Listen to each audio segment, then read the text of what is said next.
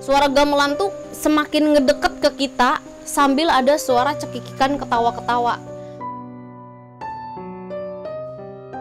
Itu gua nggak sengaja nyorotin ada yang tinggi pakai pakaian putih rambutnya panjang kukunya panjang-panjang banget wajahnya tapi nggak kelihatan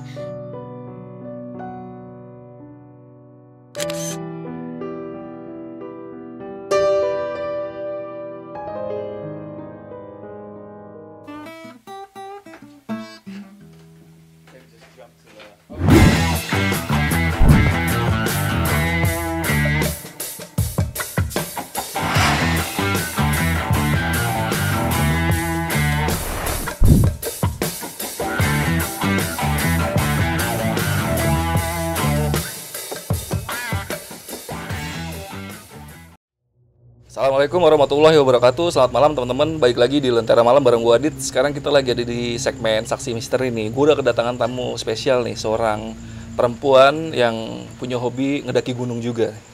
Kita kenalan dulu sama Ovi. Vi, Ya.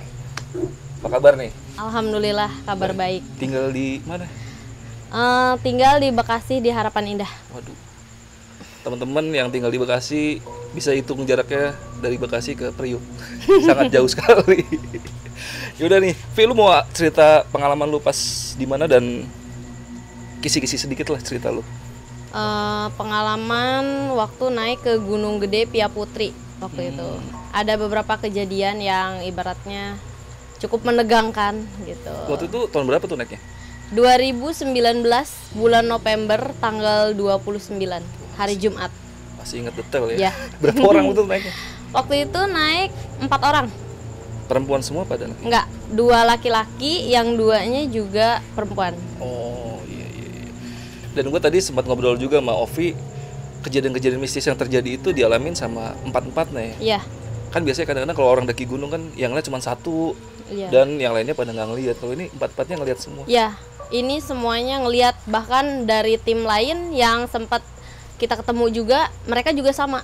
Ngeliat juga. Iya, ngelihat juga, ngedenger juga, ngerasain juga gitu. Oke deh, lu punya Instagram gak Vi? Biar teman-teman kalau ada yang mau chat-chat lu gitu, mau hubungin lu, mau naik bareng mungkin ya kan? Iya boleh, Eh, ada eh, nama IG-nya V Sugianto, V E-nya double Sugianto gitu. Oke deh. Oh ya Vi, kan tadi kita sempat ngobrol juga di belakang ternyata Ovi ini punya eh, keahlian di bidang saraf ya. Iya, Boleh cerita sedikit itu maksudnya gimana tuh? ya ibaratnya syaraf juga bukan yang terlalu kayak serius ya. Kalau kebanyakan sih selama ini customer kita kayak ya alhamdulillah yang lumpuh, stroke, terus eh, perempuan yang headnya tuh kurang lancar, yang sakit sampai ngerasain sakitnya sampai pingsan, yang mensnya nggak teratur, yang gangguan kayak tidurnya insomnia atau apa itu ya alhamdulillah selama ini customer kita udah banyak dan eh, cocok lah gitu. Oh, ya itu ngelayaninnya di lingkungan Bekasi aja tuh? Enggak, alhamdulillah sekarang nih udah sampai ke daerah Bogor, Jakarta Pusat, Kuningan sana, Tambun, bahkan kita sempat sampai ke ujung laut sana Muara Gembong sana. Oh, berarti lu yang nyamperin pasiennya ya? Iya. Karena mungkin banyak yang lumpuh juga kali nggak bisa dibawa ke mana-mana Iya. ya? Karena sengaja buat memudahkan, takutnya kan orang nggak bisa keluar. Oh iya, iya. ya udah pokoknya teman-teman misalnya punya saudara atau kerabat yang punya punya punya kekurangan sakit eh, di sarafnya bisa hubungin Ovi. Nanti IG-nya seperti yang disebutin Ovi tadi nanti gua taruh di deskripsi juga IG-nya Ovi. Ya bisa chat-chat lah tanya-tanya. Mungkin konsultasi-konsultasi bisa ya. Ya, Oh iya, kebetulan di sini kita lagi shoot ada Om Heru di belakang. Dia mau promoin ini nih, HT yang dijual. Jadi kelebihannya HT ini bisa dicas pakai power bank. Jadi kalau teman-teman naik gunung butuh HT biar bisa kontak-kontakan sama timnya, biar nggak mencar-mencar gitu bisa pakai HT-nya Om Heru nih. Nanti IG-nya Om Heru gua taruh di deskripsi, kalian DM aja langsung ke Om Heru. Yaudah, sebelum teman-teman saksiin Ovi cerita, teman-teman saksiin dulu yang satu ini.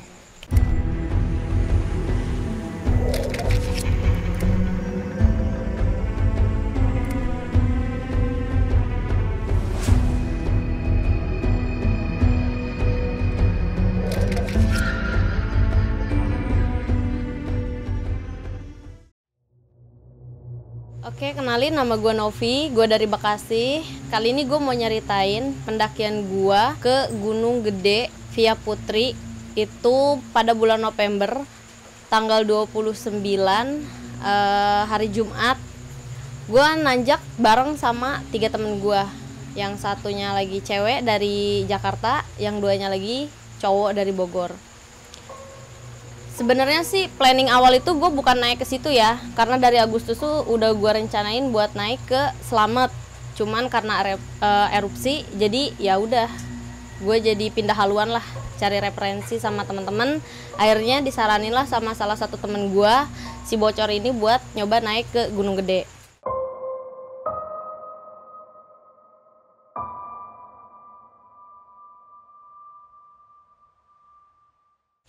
Nah singkat cerita tuh gue udah kontak sana sini, gue uh, cari-cari lah, cari tahu semuanya tentang arah ke Gunung Gede. Gue pas banget gue ketemu sama temen gue si Epi ini, dia tuh pemula, dia pas banget pengen naik gunung nyoba dan gue ajak dia. Kita persiapin semuanya, kita sewa alat semuanya, udah kayak gitu. Tibalah saatnya gue sama dia buat pergi ke Bogor. Waktu itu kita naik kereta ya, naik kereta dari stasiun Cakung. Gue ketemu nama dia dari stasiun Cakung.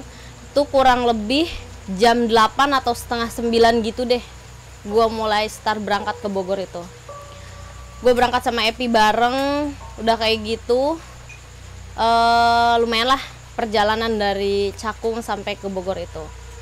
Pas gue udah sampai ke stasiun Bogor, temen gue nih yang berdua namanya Badak sama si Ari ini udah nungguin di sana ternyata. Mereka nunggu gue di uh, bawah JPO di depan stasiun Bogor. Mereka pakai motor ya. Gue sama Epi nyamperin mereka keluar. Kurang lebih nyampe stasiun Bogor itu jam 11 atau setengah 12an lah. Terus kita pergi arah ke kontrakannya si Badak ini karena kita kan mau packing ulang uh, temen gue nih pengennya kita nih yang cewek-cewek nih jangan bawa carrier yang terlalu berat lah intinya. Jadi semua yang udah di packing di carrier gue sama Epi ini dipindahin ke carrier dia. Jadi tas gue sama tas Epi ini cuma bawa SB aja gitu. Kita udah packing uh, waktu itu uh, sempat teman-teman gue juga sholat dulu di kosannya. Udah siap semua beres semua. Kita jalan lah menuju ke BC nya Kang Aloy di Cibodas perjalanan lumayan lah ya macet. Karena waktu itu gue berangkat hari Jumat udah masuk weekend. Sampai di BC Kang Aloy itu mendung cuacanya. Agak-agak gerimis tapi kayak gerimis kabut gitu. Nah sampai di sana kurang lebih sekitar jam 2.23 waktu itu gue ngeliat handphone. Karena gue iseng-iseng mau moto-motoin gitu. Gue nunggu Kang Aloy lama banget. Gak tahu ke mana tuh dia akhirnya udah beres semua kita ngurusi maksinya. Di situ sempat ragu sih ya um, mau naik temen gue nih si badak nih. Karena apa? Dari pembahasan awal itu sebelum pergi posisi gue tuh lagi menstruasi waktu itu. Jadi pas gue menstruasi gue udah ngontek mereka nih si uh, badak sama si Ari ini bahwa gue lagi menstruasi. Gue udah konsultasi sama mereka gimana nih kalau sampai hari H uh, gue posisinya masih menstruasi gitu tapi menurut mereka ya itu terserah sih karena temen gue ini si Badak sama si Ari ini kan udah biasa bawa orang otek ke Pangrango sama ke Gede. Jadi kata dia banyak peserta dia juga yang cewek-cewek e, menstruasi yang baik-baik aja ya baik-baik aja gitu. Yang bermasalah ya bermasalah tergantung kitanya. Jadi di situ gue udah ngobrol juga sempat sharing juga sama suami gitu kan. Ya udahlah dari sana sininya udah bagus udah niat jadi tetap mutusin buat naik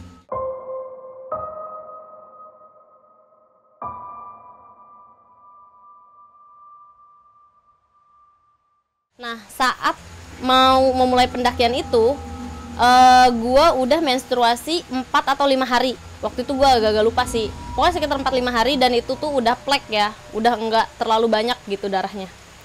Uh, udah selesai semua, kita sempat makan di dekat BC-nya Kang Aloy. Akhirnya kita pergi.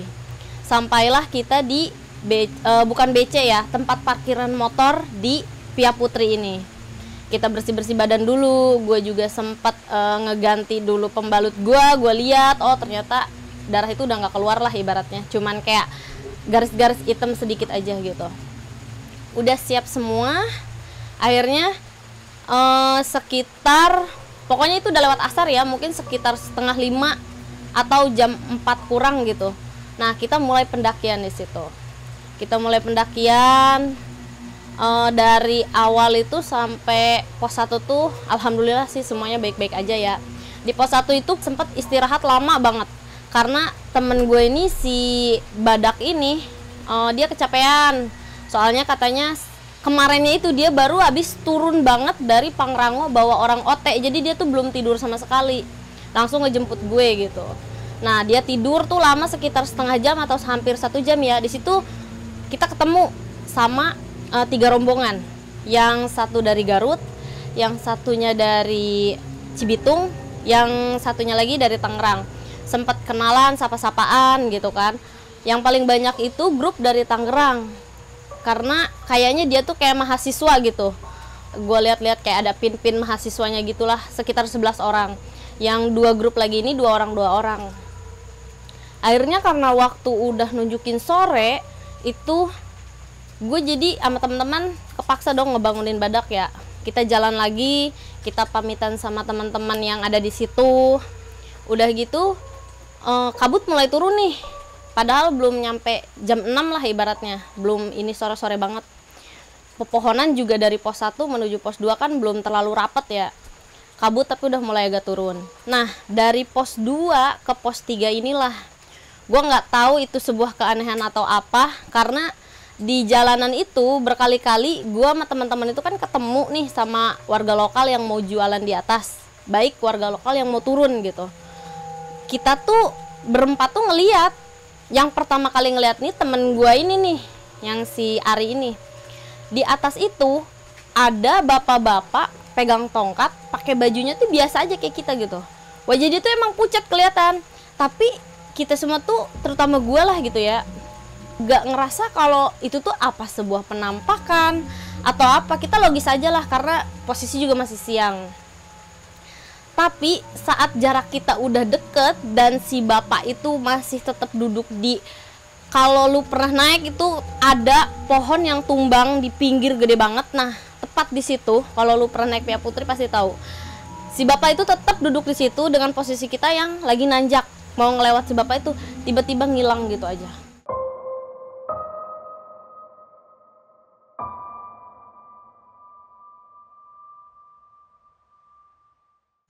kita semua panik kita semua lihat-lihatan ya emang gue orangnya ceplos-ceplos kan ya. Gue mau nyeplos ngomong ke temen gue nih yang si badak ini ngomong udah deh teh jalan aja nggak usah dibahas. Ayo jalan-jalan. Jalan lagi terus kita kan. Sampailah kita tuh di pos 3 di pos 3 kita istirahat cukup lama sekitar satu jam satu jam lebih malah. Di pos 3 ini kita sampai sebelum maghrib ya pokoknya jam 5 lewat berapa sekitar beberapa menit lagi mau maghrib lah gitu.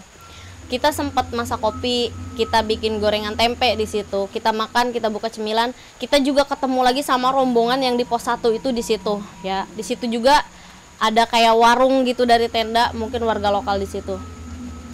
Eh, kita kan sepakat nih kata si badak sampai Isa kita jangan jalan dulu deh gitu. Tunggu selesai eh, yang azan karena di pos 3 itu masih kedenger suara azan.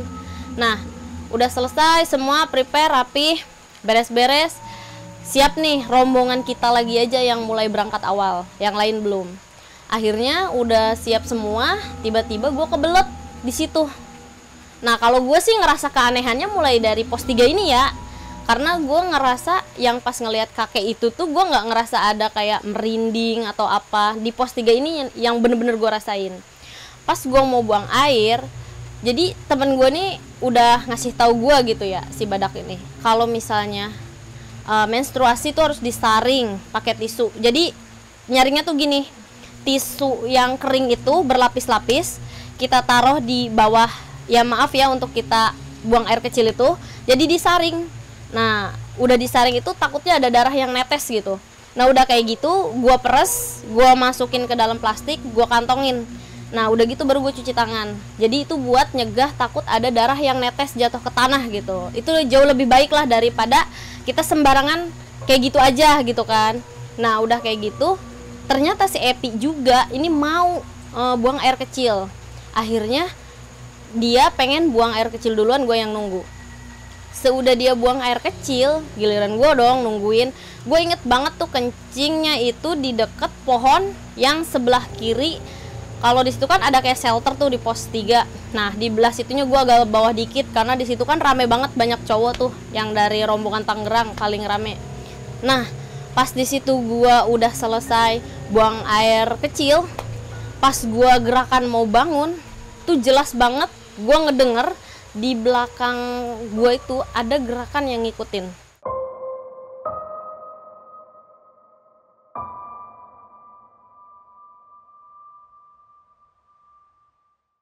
kayak semacam gimana sih kalau kita nginjek e, daun-daunan kering kresek-kresek gitu. Nah di situ gue kayak ngeberani-beraniin, aduh, gue lihat nggak ya? Gue lihat tapi nggak ada orang. Pas gue udah selesai, gue pakai lagi celana gue, gue siapin semua, gue ambil tisu, gue mau jalan tiba-tiba ada yang ngedesah tepat banget di pinggir telinga gue itu sampai si angin-anginnya tuh bener-bener kerasa banget gitu ke pinggir telinga gue tuh kayak desahan kayak gitu. Itu berulang-ulang. Di situ gue sampai berdiri terus temen gue tuh si badak tuh mungkin kalau dia nggak manggil gue nggak tahu juga sih. Bakal berdiri aja terus di situ.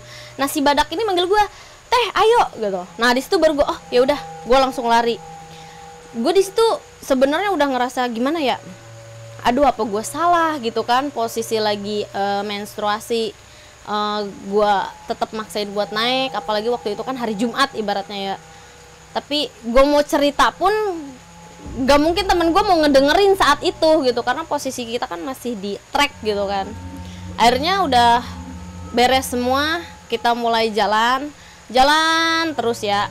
Nah temen gue nih bilang lah si Ari sama si Badak ini kalau dari pos 3 sampai pos 4 inilah bener-bener trek e, ibaratnya tenaga kita tuh bakal dikuras gitu ya udah gue di situ ngerti karena gue juga sempat e, lihat-lihat video lah gimana e, jalur pendakian treknya dari Putri sampai ke puncaknya gitu ya. Nah pas udah di tengah perjalanan nih arah menuju pos bayangan ya yang sebelum lawang seketeng nih itu temen gue tuh tiba-tiba ngedenger ada suara anak ayam. Tapi kita nggak denger dia doang yang denger si Ari ini. Ada suara anak ayam gitu kecil. Nah terus dia ngeluhin bahwa carriernya itu beratnya tuh kayak dia bawa carrier 2 sampai 3 carrier diikat di belakang. Itu yang dia keluhin sampai jalan dia lambat. Kalau gue sih yakin ya nggak mungkin dia ngerasa begitu kalau emang bebannya nggak tambah ini. Secara dia kan buat juga dia juga porter udah biasa gitu kan. Dia benar-benar lambat di situ. Terus udah kayak gitu kita coba buat tetap positif uh, nanggapin itu kita jalan terus ya. Akhirnya sampai di warung tuh warung bayangan gitu ya. Itu belum sampai ke pos 4 lah gitu. Belum sampai ke pos lawang seketeng juga. Jadi ada warung di pas tanjakan. Itu uh, di pas trek itu. Nah itu di pinggirnya kalau dari arah bawah sebelah kanan. Nah di situ gua sama Ari sama Evi sama Badak itu istirahat. Kita sempat makan semangka kita sempat jajan-jajan di situ nah si Ari ini posisinya istirahatnya tuh agak atas dikit gitu. Agak atas dikit dari si warung yang di bawah ini. Nah gue nyamperin dia. Gue nawarin lah mau apa mau kopi apa mau jajan gitu. Nah dia nggak mau. Pas gue duduk di deket dia di samping dia tiba-tiba itu ada musang. Gue nggak tahu itu musang atau apa ya. Warnanya tuh putih kayak kelinci gitu tapi bukan kelinci. Lebih tepatnya kayak musang kalau kata gue itu tiba-tiba loncat aja di antara paha gue sama paha si Ari.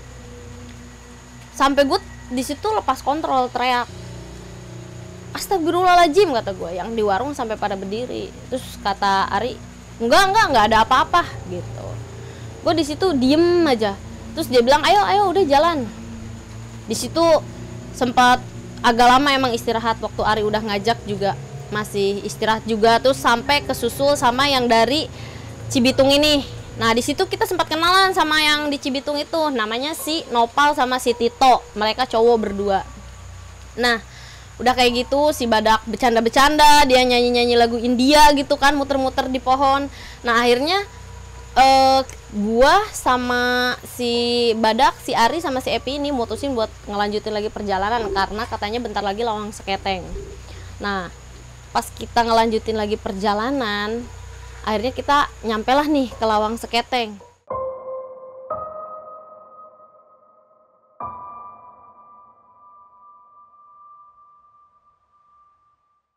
Udah nyampe Lawang Seketeng di situ gue udah ngerasa kayak putus asa buat ngelanjutin karena apa? Waktu itu tuh jalanannya tuh kayak bekas hujan jadi berat gitu. Buat ngelangkah tuh posisi nanjak tuh berat gak kayak posisi turun gitu. Tapi temen gue lagi-lagi ngingetin kita kalau buka camp di sini jauh lebih berbahaya. Satu nggak ada mata air. Dua keadaan gue yang ibaratnya lagi begini gitu. Ya udah dari situ dari Lawang Seketeng tuh kan ada warung tuh. Nah, sempat istirahat di situ ada pendaki juga. Kita lanjut lagi. Nah di situ pas gak jauh jalan dari situ ya arah mau ke pos 5 ini eh arah yang ya mau ke pos 5 ini itu tiba-tiba pas gua istirahat di tanjakan sama si Ari sama si Badak sama si Epi. Nggak tahu itu bentuknya apa nggak tahu itu yang disebut kuntilanak atau apa tiba-tiba baju lewat gitu aja nyentuh kepala kita. Nyentuh kepala gua masih Ari. Gitu kita posisi lagi duduk padahal tiba-tiba nyentuh lewat gitu aja. Di situ gua sama si Ari nggak bisa ngomong kayak kekunci mulut. Kita cuma tatap-tatapan gitu. Nggak bisa ngomong terus tiba-tiba si Ari ini ngomong udah nggak aman nih jalan-jalan. Nah di situ gua udah aduh ada apa nih? Jalan lagi kita jalan lagi. Terus kesusul lagi nih sama si yang rombongan dari Cibitung ini. Dia jauh gitu. Kedengeran kan dia kayak ada kelentengannya ini yang sinopal ini kelenteng kelenteng kelenteng terus ada lampunya kan. Oh itu dari di situ gue agak lega meski jaraknya agak jauh gitu ya. Nah gue pikir kata temen gue kan ini surken udah deket nih nggak jauh gitu ya. Ya udahlah gue pikir mungkin kalau surken itu kan luas mungkin jauh lebih aman gitu. Pas udah kejadian itu gue pikir udahlah mungkin nggak akan ada kejadian apa-apa lagi. Taunya tiba-tiba itu si headlampnya si Ari sama si Badak itu mati. Jadi cuma ada headlamp gue sama headlampnya Epi. Nah si Epi ini di depan yang mimpin perjalanan si Ari ini sama si Badak di belakang.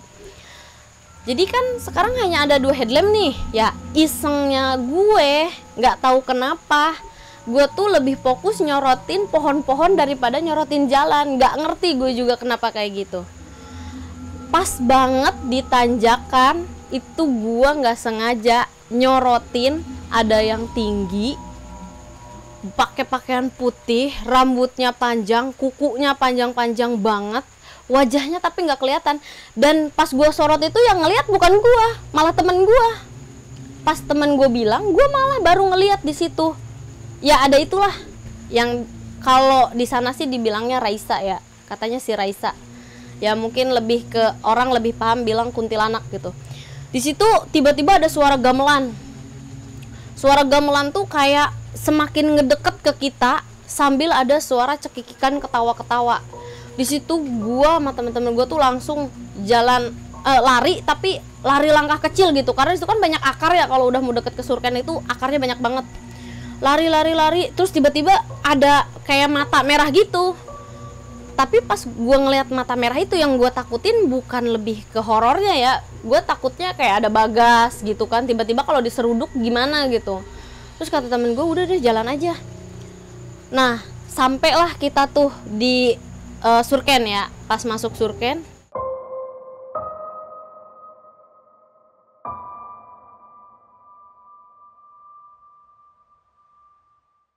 terus temen gue si badak ini uh, pisah rombongan karena dia mau cari uh, air ke mata air.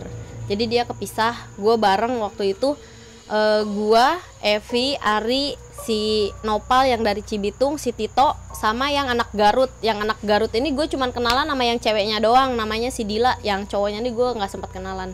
Nah karena udah saking capeknya gue jalan tuh tanpa disadari gue paling belakang. Nah pas gue jalan ini ada yang ngikutin jejak kaki kayak ibarat sendal keseret-seret gitu seret seret seret gitu. Tapi di situ gue udah nggak berani lagi buat nengok ngeliat karena gue udah nggak mau lagi ngeliat yang aneh-aneh gitu. Gue sebisa mungkin gue tuh jalan terus kayak agak sedikit lari gitu. Pas gue lihat ternyata temen gue si Evi sama si Ari ini udah jauh. Nah kebenaran banget gue nih eh, papasan sama si Nopal ini kan. Gue sempat ngobrol tuh nanya ke dia.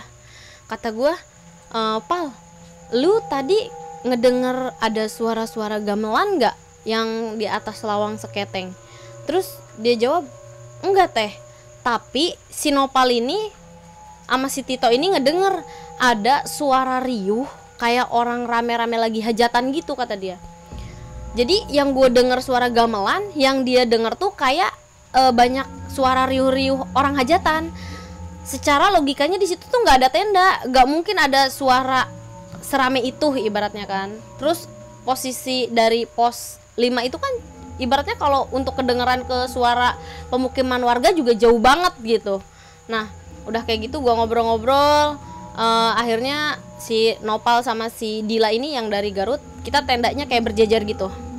Kita sengaja pilih tenda eh, lokasi yang deket sama pohon-pohonan gitu biar gampang kan kalau misalnya cewek mau buang air kecil atau apa. Pas gue udah nyampe situ gue istirahat sama Epi kita bantuin badak sama Ari eh, beresin tenda bikin tenda selesai semua. Terus udah kayak gitu gue masak ganti baju. Nah sebelum pipis nih gue pengen buang air kecil lagi di situ. Pas gue buang air kecil gue bilang sama si badak ini kata temen gue nih si badak udah deh nggak usah buang air kecil ke pohon-pohon gitu di pinggir tenda aja kata dia. Kata gue kenapa? Udah nggak usah di situ aja. Yang penting jangan terlalu deket nanti kena tenda kata temen gue ya udah gue ikutin aja. Gue ganti-gantian sama Epi gitu lihat-lihatan kan takutnya ada orang. Udah selesai? Nah udah makan temen gue nih si badak sama si Ari ini belum makan. Gue sama Epi ini makan duluan. Waktu itu eh oh ya gue jelasin ya. Gue sampai Surken itu kurang eh, lebih setengah 12 malam. Itu perjalanan yang kita tempuh tuh kurang lebih hampir 10 jam. Dari tempat parkir sampai ke Surken itu tuh bener-bener trek lama banget panjang banget karena banyak gangguan-gangguan yang kayak gitu terus sama kayaknya bekas hujan jadi daya gerak kaki kita tuh lambat banget buat ngelangkah-ngelangkah gitu. Nah kita mulai tidur itu jam satuan atau setengah dua gitu. Gue tidur duluan sama Epi nah si Badak sama si Ari ini belum baru mereka makan.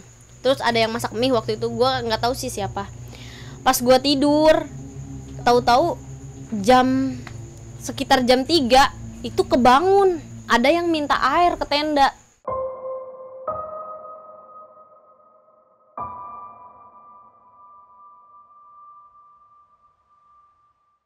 Cewek pakai kerudung hitam. Dia manggil-manggil "E, kak kak minta air dong. Kita kehabisan air. Gue nggak tahu sih itu siapa tapi itu bukan si Dila yang dari e, Garut itu. Kayaknya itu pendaki baru datang gitu baru nyampe gitu terus gue kasih lah tuh air sedikit. Pas gue mau masuk lagi tiba-tiba gue ngeliat dari arah bekas gue buang air kecil itu ada nenek-nenek jalan tapi bukan jalan kayak cepet banget. Gimana sih dia? Kayak cepet banget gitu ngedeketnya. Dia pakai eh, kain eh, zaman dulu yang panjang banget gitu yang ada batik-batiknya terus rambutnya putih terurai pucat. Dia pakai kebaya kebaya bukan kebaya iya kebaya tapi kebaya yang jadul banget gitu. Warnanya kayak pink toska gitu.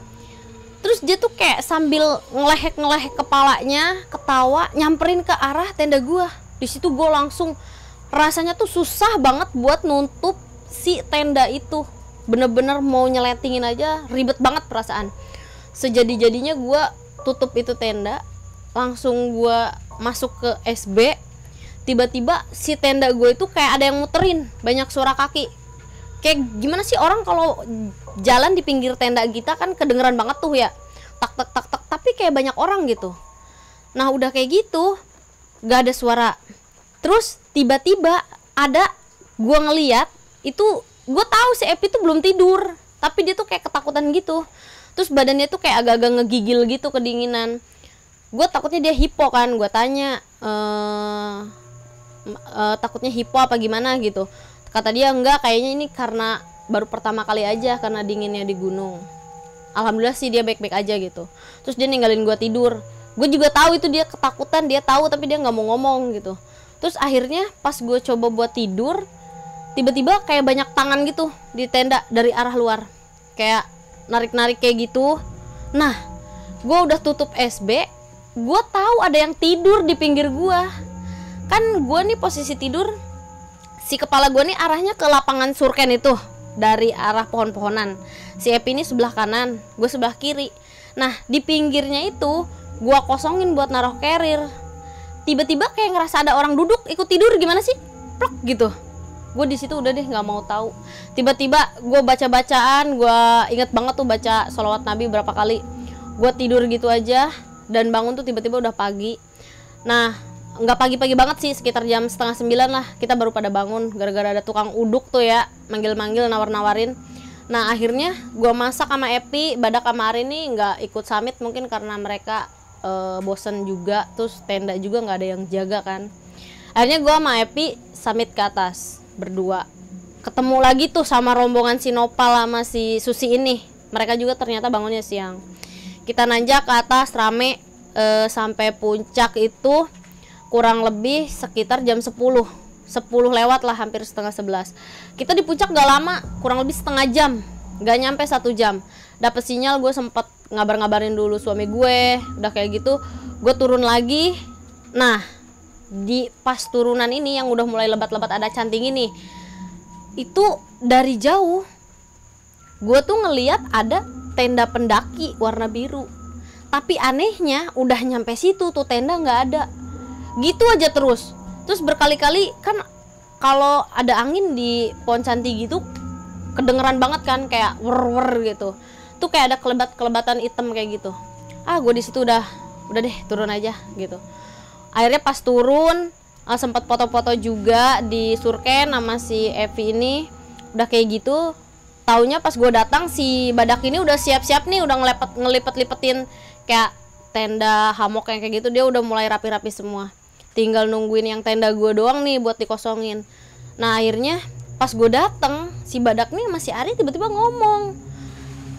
Katanya semalam pas dia lagi bergadang lagi eh, ngopi tuh ada nenek-nenek datang nyamperin ke arah tenda gue makanya mereka tidur tapi di situ gue udah nggak kaget gitu. Karena apa? Karena semalam gue juga udah lihat gue biasa aja.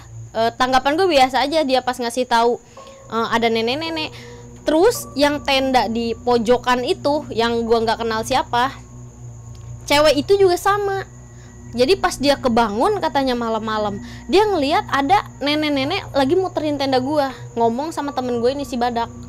Ya gue di situ ya udahlah udah lewat ini gitu kan. Udah tahu ini kita rapi-rapi sekitar jam setengah sebelas sampai jam 11 kita pulang.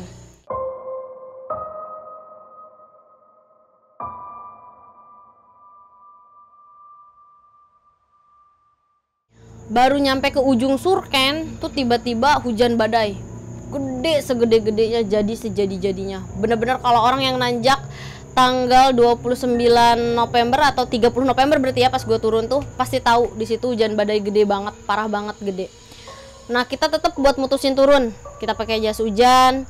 Eh, di lawang seketeng gua sama Ari sama Epi ini kepecah. Gua sama Epi Ari sama Badak. Gue perhatiin si Badak sama si Ari ini kayak dia tuh lewatnya di trek lama gitu. Eh, jadi kan kalau di Pia Putri itu kayak ada dua jalur nih kiri kanan. Nah ini trek lama ini trek baru. Nah temen-temen gue nih kayaknya nyusurin trek lama gitu tapi jaraknya nggak terlalu jauh lah paling satu meter setengah sampai 2 meter masih kelihatan. Jadi kita kepisah-pisah gitu dia merhatiin gue tuh dari pinggir. Nah pas udah terus jalan udah ngelewatin pos 4 nih. Dari pos 4 ke pos 3 lagi aja nih yang kejadian lagi. Kan di situ tuh parah banget tuh gue sempat jatuh di situ kaki gue kelibet akar. Nah gue di situ ngeliat si Epi jalan duluan. Dia pamit dia bilang duluan ya Nop iya mbak.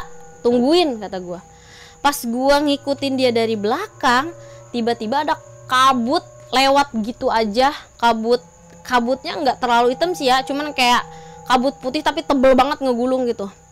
Gue diem di situ gue inget ya eh, kalau ada kabut tuh nggak boleh bergerak karena kita bisa disesatin sama kabut itu. Gue diem di situ tuh cukup lama. Ada kali ya 5 menit sampai 7 menit. Lama banget. Tiba-tiba pas gue lagi berhenti gue di situ berdoa ya. Duh ya Allah kata gue pasrah deh udah deh kayak gini. Karena gue inget kejadian-kejadian pendaki yang hilang itu rata-rata pasti gara-gara kabut gitu yang celaka itu. Gue diem di situ. Gue pas baru mau jongkok duduk itu kan posisi trek tuh turun jadi niat gue tuh mau duduk gitu maksudnya. Karena gue udah nggak kuat berdiri dingin banget. Tiba-tiba ada tangan ke pinggang gue tuh kukunya tuh item-item panjang banget. Di situ gue udah pasrah. Aduh apalagi dalam hati gue kan kenapa lagi ini gitu. Udah kayak gitu nggak lama tiba-tiba ada anak sekolah kayak anak sekolah lah gitu. Dia masih kecil-kecil. Posisinya turun berdua jalannya cepet banget dia nggak bawa carrier nggak bawa apa gitu kayak daipekan lah ibaratnya. Hilang tuh tangan itu. Seketika juga si kabut itu tuh hilang. Nah gue di situ sempet kayak minta pengen bareng gitu. Beriringan sama si anak dua ini temen gue si Epi dari belakang dateng. Lah terus dia tiba-tiba bilang gini dengan dia capek kaki dia tuh bener-bener kayak kesakitan banget. Dia bilang Nop gue capek banget Nop tungguin apa sih? Lu buru-buru banget. Jalannya bareng. Gue di situ heran dong. Lah sedangkan ini si Epi tadi udah duluan. Gue pikir dia udah duluan gitu sama badak sama Ari kan gue yang paling belakang. Taunya dia yang paling belakang. Gue sama si Epi manggil tuh sama si bocah dua itu. E, bang bang bareng lah bang.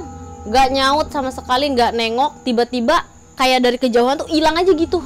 Itu bocah dua tuh nggak tahu ke mana di situ gue sama Epi jalan terus nggak ada lagi yang uh, ketemu lagi pendaki. Mau yang naik mau yang turun ya udah kayak gitu. Tiba-tiba gue udah aduh bingung nih gimana nih. Gue teriak aja gue panggil nama si badak sama si Ari. Gue teriak-teriak nyaut. Ternyata mereka udah nungguin kita tuh lama banget di bawah.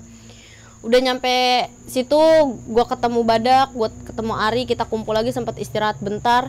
Akhirnya kita mulai lanjutin lagi jalan ke arah pos 3 nah di situ tuh kita sempat beberapa kali ketemu sama pendaki yang kena hipo. Dia lagi diistirahatin gitu ya mungkin sama leadernya atau yang paling tua. Bahkan kalau nggak salah ya gue sempat ketemu sama rangernya itu ada yang lintas orang Tangerang laki-laki tuh meninggal karena kena hipo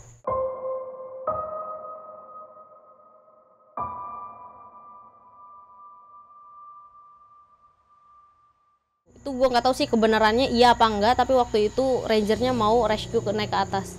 Udah kayak gitu sampai pos 3 kita sempat istirahat. Gak lama duduk di pohon gede itu yang arah ke jalan terus kita lanjut lagi ke bawah. Nah di pos 1 kita istirahat lagi. Gue sempat uh, di situ minum sama anak-anak uh, si badak sama si Ari juga sempat uh, bikin kopi bikin teh kayak gitu. Cuman nggak nggak lama nggak nyampe 10 menit gue udah ngajak balik lagi. Bukan karena horor tapi badan gue udah ngegigil takut kena hipo. Akhirnya udah bayar kita langsung lanjut lagi jalan dari pos 1 arah ke perhutani itu. Udah nyampe perhutani kita naruh sampah di situ kan ada tuh penampungan sampahnya deket perhutani. Kita sempat bersih bersih badan juga di situ ada toilet udah kayak gitu akhirnya turun. Nah alhamdulillah sih selamat sampai situ ya. Cuman pas yang waktu di batas vegetasi itu yang e, kalau dari pos perhutani mau masuk arah ke pos bayangan di situ sempat ada kejadian juga pas gua ketemu sama ibu-ibu di situ. Jadi kan kita sempat ketemu nih gua sama Epi nih sama ibu-ibu di situ yang mau turun pulang dari ladang. Jadi gua nggak tahu itu warga lokal atau itu si nenek itu lagi karena gue udah nggak mau nengok. Tiba-tiba tuh ada suara kayak suara nenek-nenek bilang kayak gini balik balik. Kayak gitu berkali-kali balik balik. Tapi di situ gue udah nggak mau nengok. Gue udah males udah nggak mau ngeladenin. Akhirnya gue udah nyampe ke bawah eh, bersih bersih badan. Sempet juga gue ngobrol sama warga lokal situ. Tapi kita lebih ke ngobrolin soal ada yang hipo gitu ya. Gue nggak ngobrolin nanya-nanya soal horor-horornya ada yang hipo bener katanya ada yang meninggal orang Tangerang yang lintas dari Putri ke Cibodas. Terus udah kayak gitu udah ngobrol-ngobrol gitu taunya ban motornya si badak ini kempes. Jadi ketunda lagi aja nih. Nah udah selesai semua akhirnya gue ngejar kereta waktu itu kereta yang terakhir setengah sepuluh. Karena si Epi ini kan harus kerja besoknya.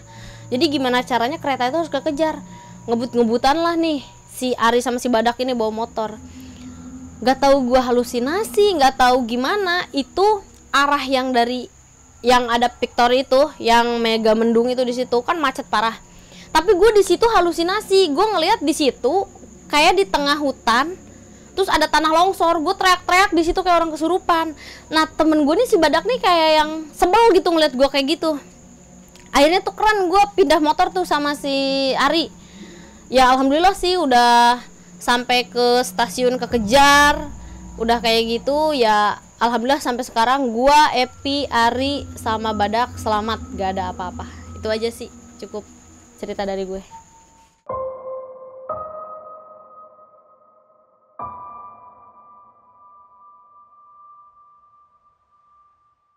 Oke, itu tadi cerita dari Ovi.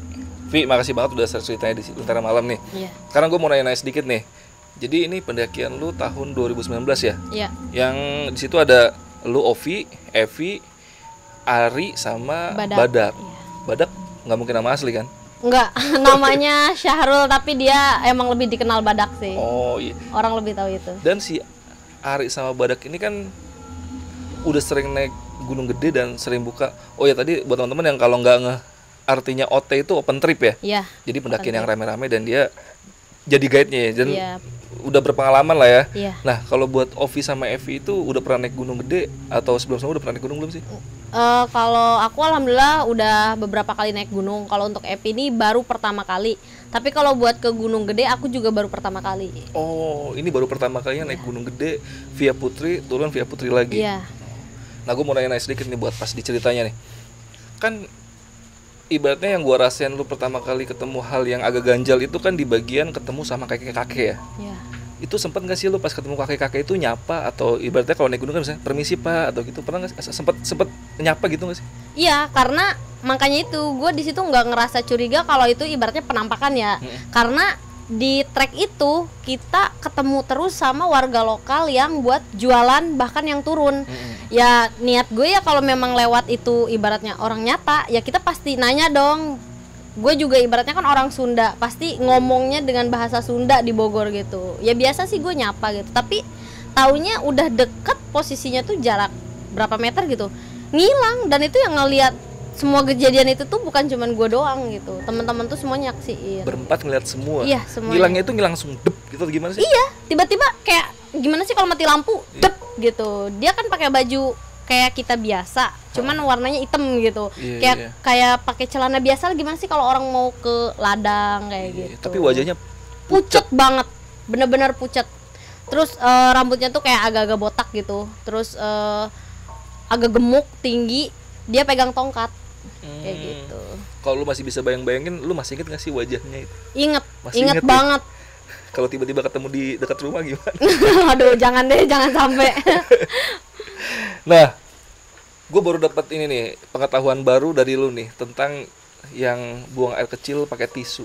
iya Nah, itu kan lu akhirnya pas buang air kecil lu saring tuh pakai tisu kan? Iya. Karena kebetulan lu udah air akhir mens tuh ya. iya Udah. Nah, pas lu cek di tisunya itu masih ada sisa mens lu apa enggak sih? Apa udah bersih? ada udah ada. bersih Udah bersih. Iya, tapi gue tetap setiap buang air kecil tuh gue selalu begitu karena gue kan nggak tahu ya takutnya ada netes tiba-tiba ada lagi karena kan siklus menstruasi itu nggak ketahuan meski udah nggak ada nanti tiba-tiba banyak lagi gitu. Oh, iya. Cuman ibaratnya ini tips buat eh, pendaki cewek yang lagi menstruasi.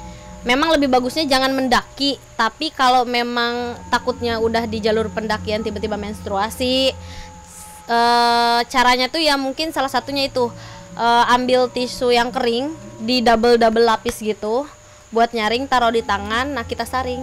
Iya, I- iya, Jadi iya. maksudnya nggak usah ngerasa jijik-jijik lah gitu, Iya, iya, itu iya. jauh lebih bagus gitu daripada kita ninggalin kotoran di tempat orang Iya, terus kita tinggal peres aja kalau diperes kan yang turun cuma airnya doang kan darahnya Iya. enggak udah gitu kita masukin ya cuci tangan aja gitu Oh iya.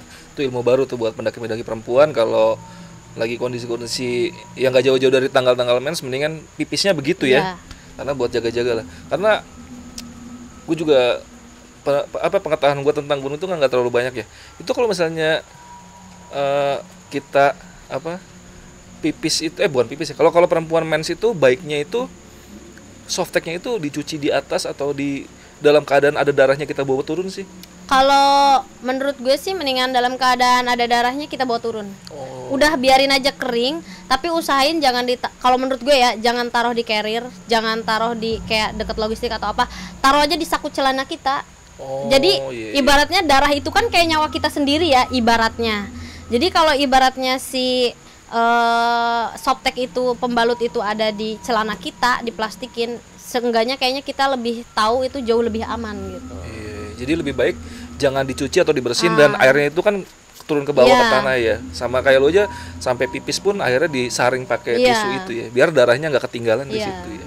Ya karena gue juga sering dengar-dengar cerita tentang pendakian karena emang sering terjadi hal-hal mistis ketika perempuan dapet ya. iya Dan mungkin salah satu faktor kejadian-kejadian yang lo rasain itu ada sangkut pautnya sedikit lah mungkin karena lo dapet itu ya. Hmm. Kalau si Evi nggak lagi dapet enggak waktu itu lagi normal-normal aja. enggak. Dan si Badak sama si Ari itu selama open trip pernah juga ketemu sama orang-orang perempuan yang mens juga ya. Ya, eh, dia nyeritain sih sebelum eh, jemput gua nanjak.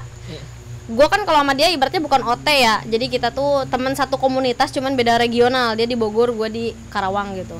Nah, kata dia kemarinnya itu minggu lalu belum lama dia bawa cewek juga sama eh, mahasiswi lagi mens tapi itu lebih parah. Dia sampai kesurupan sampai rumah gitu Oh. si Ari ini nyeritain gitu. Kalau gue tuh ibaratnya terhitung ya ekstrim tapi yang enggak sampai parah banget lah gitu. Karena gue ngejaga kebersihan gue gitu. Berarti Ari orang yang cukup berani ya.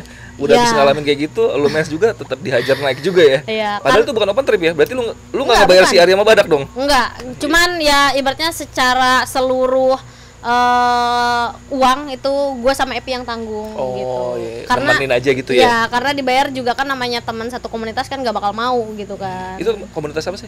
KPGIR, Apa tuh? Komunitas Pendaki Gunung Indonesia Raya. Oh, Iya. di Facebook ya? Iya, itu seluruh Indonesia ada. Oh iya, iya. gue pernah coba masuk situ sih, cuman nggak beraktivitas apa-apa sih, cuma Iya. lihat aja. Nah, buat pertanyaan berikutnya, Vi, kan lu sama Ari kena selkaba apa kayak kayak kain ya? Kain ya, Lu bisa deskripsi nggak sih kainnya itu kayak kain baru, kotor atau kayak gimana kotor. gitu? Kotor gitu. Kotor, kainnya tebel banget, bau anyir.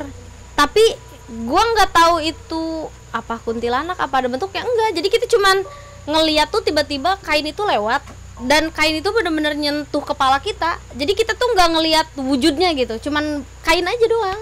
Jadi pas lu kain lewat, lu sempat nengok gini nggak gitu? Nyari nyari gitu? Iya. Nggak ada apa-apa. Terbang ke atas, Terbang. ke atas pohon, ngelewat pohon gitu aja udah. Tapi gitu. lu nggak sempat ngeliat ada rambutnya atau gimana? Enggak, kain enggak. aja gitu. Kain aja. Ya mungkin ada wujudnya tapi nggak kelihatan kali ya karena Iya. kainnya tuh bener-bener lebar, tebel, pokoknya gede banget dah gitu. Tapi yang ngerasain cuman lu sama Ari. Iya, Lu duduk berdua gitu. iya jadi kan ini posisi tanah agak turun gitu kan. Nah si Kang Ari ini duduk sebelah kiri, gue sebelah kanan. Jadi kita nyenderin carrier gitu kan. Tiba-tiba lewat aja gitu. Posisinya si Badak sama si Evi di mana? Lagi di bawahan gua dikit. ke arah yang depan sana juga. Jadi Iya. nggak ngeliat ke belakang. Lu berarti di belakang posisinya. Iya, gua agak atas, Iya, dia iya, agak iya. bawah. Jadi gitu. dia nggak ngeliat ke belakang gini kan berarti kan. itu badak juga ngeliat Oh, badak juga tapi ngeliat? Eh, si badak ini ngelihatnya bukan pas posisi kena kepala udah di atas Oh. gitu jadi udah agak atas pas gua kaget dia langsung nengok dia ngeliat gitu Posisi di situ cuma berempat aja. berempat waktu Nggak ada itu. orang lain nggak lagi? ada cuman si pendaki dari Cibitung ini yang si Nopal ini udah kelihatan ada di bawah tapi jarak kita masih terlalu jauh lah Masih jauh gitu ya nggak Iya. ngerasain jadinya. Nah, akhirnya kan bukan akhirnya ya, sialnya nih pas sebelum surken lu ketemu sosok kuntilanak ya. iya bisa dibilang kuntilanak lah ya di lu bisa nggak deskripsi de- deskripsiin dengan lengkap lah posisinya itu di mana eh, wujudnya yang lebih detailnya kayak gimana sih Ya, waktu itu kan headlampnya tuh udah pada mati ya, cinggal yang punya gue sama Epi. Nah itulah keisengan gue nggak tahu kenapa gue lebih fokus nyorotin pohon daripada trek. Hmm. Yang harusnya gue nyorotin trek kan. Tiba-tiba itu temen gue tuh si badak tuh udah berkali-kali ngingetin gue eh jangan nyorot ke mana-mana fokus aja ke jalan. Tapi nggak tahu pikiran gue tuh pengennya nyorotnya ke pohon gitu kan. Nah tuh eh, kalau udah mau deket surken kan kita kayak ada jalan batu-batuan gitu kan. Iya, nah itu kan kalau ke sebelah kiri kayak agak ada jurang dikit Jurang lah. gitu, tapi nggak gitu ya? ya tapi nggak terlalu dalam ibaratnya pelan-pelan gitu. Kan ada pohon gede tuh. Nah di situ pas gue nyorot tiba-tiba ada yang pakai baju putih tuh tinggi banget wajahnya nggak kelihatan. Tapi kukunya tuh bener-bener panjang nyampe tanah warna hitam. Dan rambut dia tuh panjangnya bener-bener panjang. Nah pas gue ngebalikin lagi sorotan gue gue pikir yang lihat gue doang. Ternyata teman-teman gue juga lihat. Ada suara gamelan sama, sama suara cekikikan itu ketawa-ketawa. Kira-kira lu berapa detik tuh nyenter si Miski cukup lama. Cukup lama. Iya, cukup lama terdiam. Teman-teman gue juga ikut ngeliatin dulu waktu itu.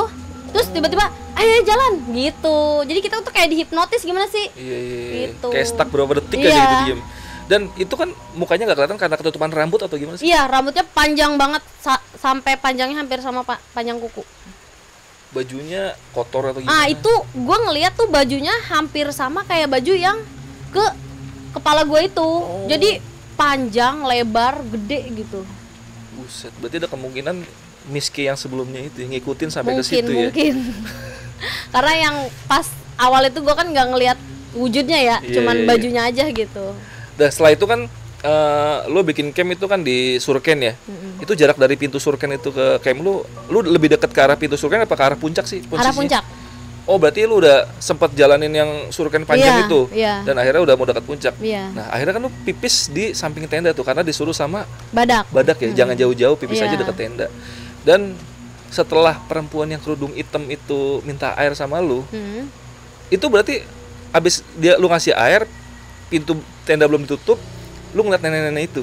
iya karena kan eh, posisinya tuh kan ada plyseat kan Mm-mm. nah si itu kan eh, temen gue waktu itu gue ke bagian tenda merapi mountain kan jadi dua layer gitu nutupnya agak ribet ibaratnya nah pas gue baru nutup yang luar mau belum sampai bawah gue ngeliat ada nenek-nenek itu. Gitu. Yang lu bilang tenda cewek di ujung itu, itu cewek yang kerudung hitam bukan? Gak tahu gua. Karena tahu. yang waktu pas minta eh, air itu gua nggak ngeliat wajahnya. Jadi dia dari pinggir gini dia bilang minta air kita kehabisan air. Nah gua kasih air tapi bukan air yang air mineral. Gua kasih air yang air mata air waktu itu. Nah pas udah kayak gitu gua nggak tahu tuh cewek mana yang bilang sama si badak sama si Ari pas dia bangun katanya dia ngelihat ada nenek-nenek muterin tenda gua gua nggak tahu gua nggak sempat ngobrol sama cewek itu Badak pun ngeliat ya. iya mereka tuh tidur gara-gara ada nenek-nenek itu Iya. Berarti tenda lu sama badak sama Ari itu pisah. Enggak, depan-depanan. Oh, maksudnya di tenda yang berbeda kan? Iya, Lu berdua iya. sama Evi, badak sama Ari sendiri. Iya. Berdua gitu. Iya, kita depan-depanan ada playseat. Nah, di belakang ini yang tenda anak Cibitung sama anak Garut. Akhirnya kan pas turun ya nggak terlalu banyak gangguan lah ya kecuali yang anak kecil itu sama yang sosok apa tadi lu? Iya, pas yang waktu gua ketemu kayak anak sekolah SMP itu. Mm-mm. Nah, sebelumnya itu jadi gua kayak dijegat kabut. Cuman tiba-tiba ada tangan kukunya tuh panjang banget hitam itu ada di pinggang gua kayak ngeraba-raba ke atas. Iya. Nah di situ gue udah pasrah, udah deh. Gue nggak nggak tahu lagi mau kayak gimana. Jadi gue ngeliat entah itu setan atau orang, si sosok dua orang ini buat gue tuh penyelamat. Karena pas dia tiba-tiba datang, tangan itu hilang sama kabut itu. Lu Dan lu dibarengi sama si Epi datang. Oh, dan lu sempat ngeliat nggak tangannya itu? Ngeliat jelas Jelas banget, banget. dia tuh bener-bener nerekam perut gue. Ada Full.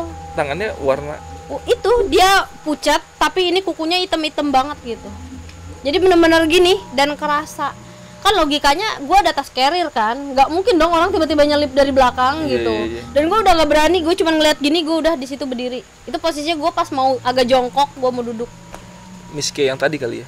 bisa jadi Nah, pas turun itu lu kan ngelewat pasti ngelewatin jalur yang lu ketemu kakek-kakek itu. Lu Iya. ke- lewat situ ngeliat kakek-kakek itu lagi nggak sih? nggak nggak ngeliat lagi Nggak ngeliat lagi. Nggak. Dan pas turun lagi lu ketemu sama ibu-ibu apa nenek-nenek sih tadi? Nah itu yang gua karena gua udah males lagi nengok, gua nggak tahu itu penampakan apa warga lokal ya karena waktu itu kan udah sore jadi banyak yang dari itu jadi di batas vegetasi Mhm. udah masuk ke ladang warga Mhm. nah jadi gue ketemu sama beberapa ibu-ibu yang mau pulang juga gitu terus tiba-tiba ada yang manggil kayak ngedesah gitu balik balik kayak gitu kan pelan banget aduh gue udah nggak mau nengok deh Lu ngerti nggak maksudnya itu balik ke atas gunung apa balik pulang ke rumah sih? kalau menurut gue kayaknya balik lagi ke atas gunung Waduh. Kalau menurut gue ya karena apa? Karena sampai di jalan aja halusinasi gue tuh masih tinggi. Kayak gue ngelihat ada nenek-nenek itu lagi di jalan, kayak sekelebatan ya. Tapi jadi gue nggak nggak terlalu berani menafsirkan bahwa itu penampakan nenek itu. Tapi gue kayak masih ngelihat ngel- terus sempet tuh yang pas di Mega Mendung itu kan gue sampai teriak-teriak kayak kesurupan. Iya, gue iya, ngerasa iya. kalau diri gue tuh masih di sana. Masih di hutan ya? Nah, masih di trek jalur pendakian itu Dan lu ngeliat gitu. longsor itu makanya lu Iya. teriak-teriak. Itulah. Tapi lu sendiri yang ngeliat kalau- pas pulang itu lu sendiri yang berhalusinasi. Yang tiga-tiganya aman-aman aja. aman-aman aja. Mereka tuh malah kayak yang kesel ngeliat gue teriak-teriak kayak gitu. Mungkin udah hawa capek juga kali ya. Iya iya iya iya. Masih banget nih Ovi udah cerita di Lentera Malam. Kapan-kapan kalau naik gunung dan ada cerita lagi boleh lah saya share sini lagi. Ya, Masih aktif kan naik gunung sekarang? Alhamdulillah masih aktif. Baru turun juga dari Ciremai. Dari Cerme. Iya. Waduh. Teman-teman kalau pengen naik bareng mungkin di komunitasnya itu sering adain naik-naik bareng kali ya. Ya kadang-kadang sih. Tapi dia lebih ke aktif kegiatan kayak donasi, bantuan buat ke sosial kayak gitu. Oh iya iya iya. Sekali lagi Ovi makasih udah share cerita Malam. Gue mau sedikit ingetin teman-teman kalau teman-teman yang punya kerabat atau saudara yang punya penyakit berkaitan dengan saraf ya, ibaratnya kayak lumpuh atau apa sih penyakit penyakit saraf biasanya? Ya ibaratnya kayak semacam susah tidur juga insomnia, insomnia. gitu.